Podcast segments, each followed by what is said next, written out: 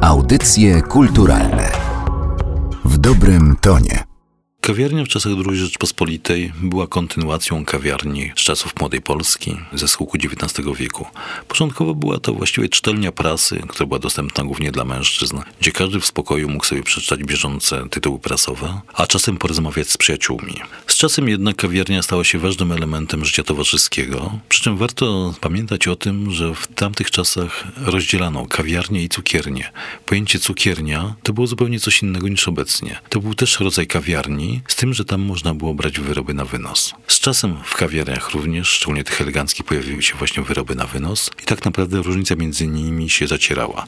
Pierwszą taką ważną kawiarnią II Rzeczpospolitej była kawiarnia Kresy na Nowym Świecie, potem Udziałowa, ale tak naprawdę legendę lokali II Rzeczpospolitej stworzyła Mała Ziemiańska przy ulicy Mazowieckiej. Przede wszystkim jej zaletą było położenie. Samo centrum Warszawy, jedna z najbardziej eleganckich ulic. W pobliżu było wydawnictwo Mordkowicza, wyższe uczelnie, a obok znakomite znakomity bar u wróbla, gdzie szczególnie w czwartki podawano fantastyczne flaki po warszawsku. Mała Ziemiańska prezentowała znakomitą jakość produktów. Wyroby lokalu cieszyły się uzasadnioną renomą i nikt nie narzekła na wyższą niż u konkurencji cenę. Na jeden z jubileuszy Ludwika Solskiego przyjaciele zamówili specjalny tort o średnicy jednego metra. Dekoracja tortu przedstawiała grecki amfiteatr ozdobiony aktorskimi maskami.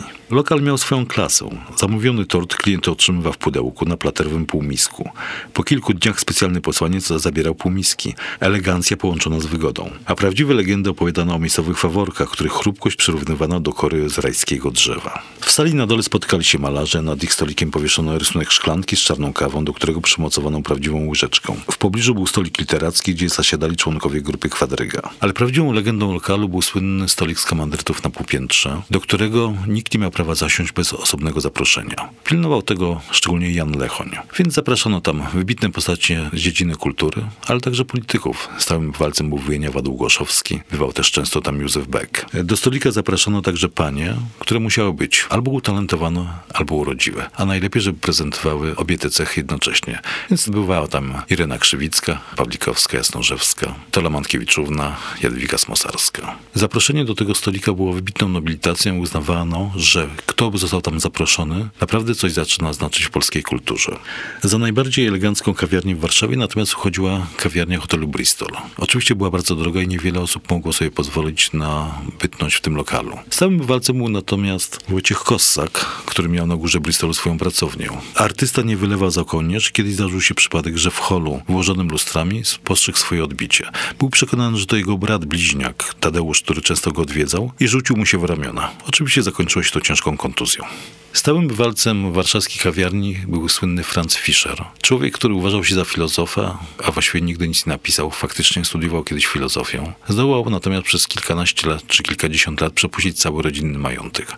Żył na koszt innych, ale nie wyobrażał sobie życia bez kawiarni czy lokali z wyszynkiem. Słynął ze swoich bonmotów, z których pan najsłynniejszy dotyczy biologii. Otóż w pewnym lokalu, kiedy wyrażał swoją opinię na temat swojej wiedzy właśnie z dziedziny biologii, ktoś go zapytał, że skoro tak wszystko wie, to nie wyjaśni, do jakiej rodziny należą śledzie. Więc Franz Fischer się roześmiał i stwierdził, przecież to jasne, śledzie należą do rodziny zakąsek. Kawiarnie to nie tylko Warszawa. Za najbardziej elegancką kawiarnię w Lwowie uchodziła kawiarnia w hotelu George, ale i tak wszyscy najbardziej cenili cukiernię Zaleskiego. Cukiernia, czy właściwie kawiarnia Zaleskiego słynęła ze swoich fantastycznych wystaw oraz znakomitych wyrobów. Wyroby były znacznie tańsze niż warszawskie. Co więcej, do Warszawy dostarczono je codziennie samolotem, własnym samolotem. W tych czasach naprawdę to było coś wielkiego.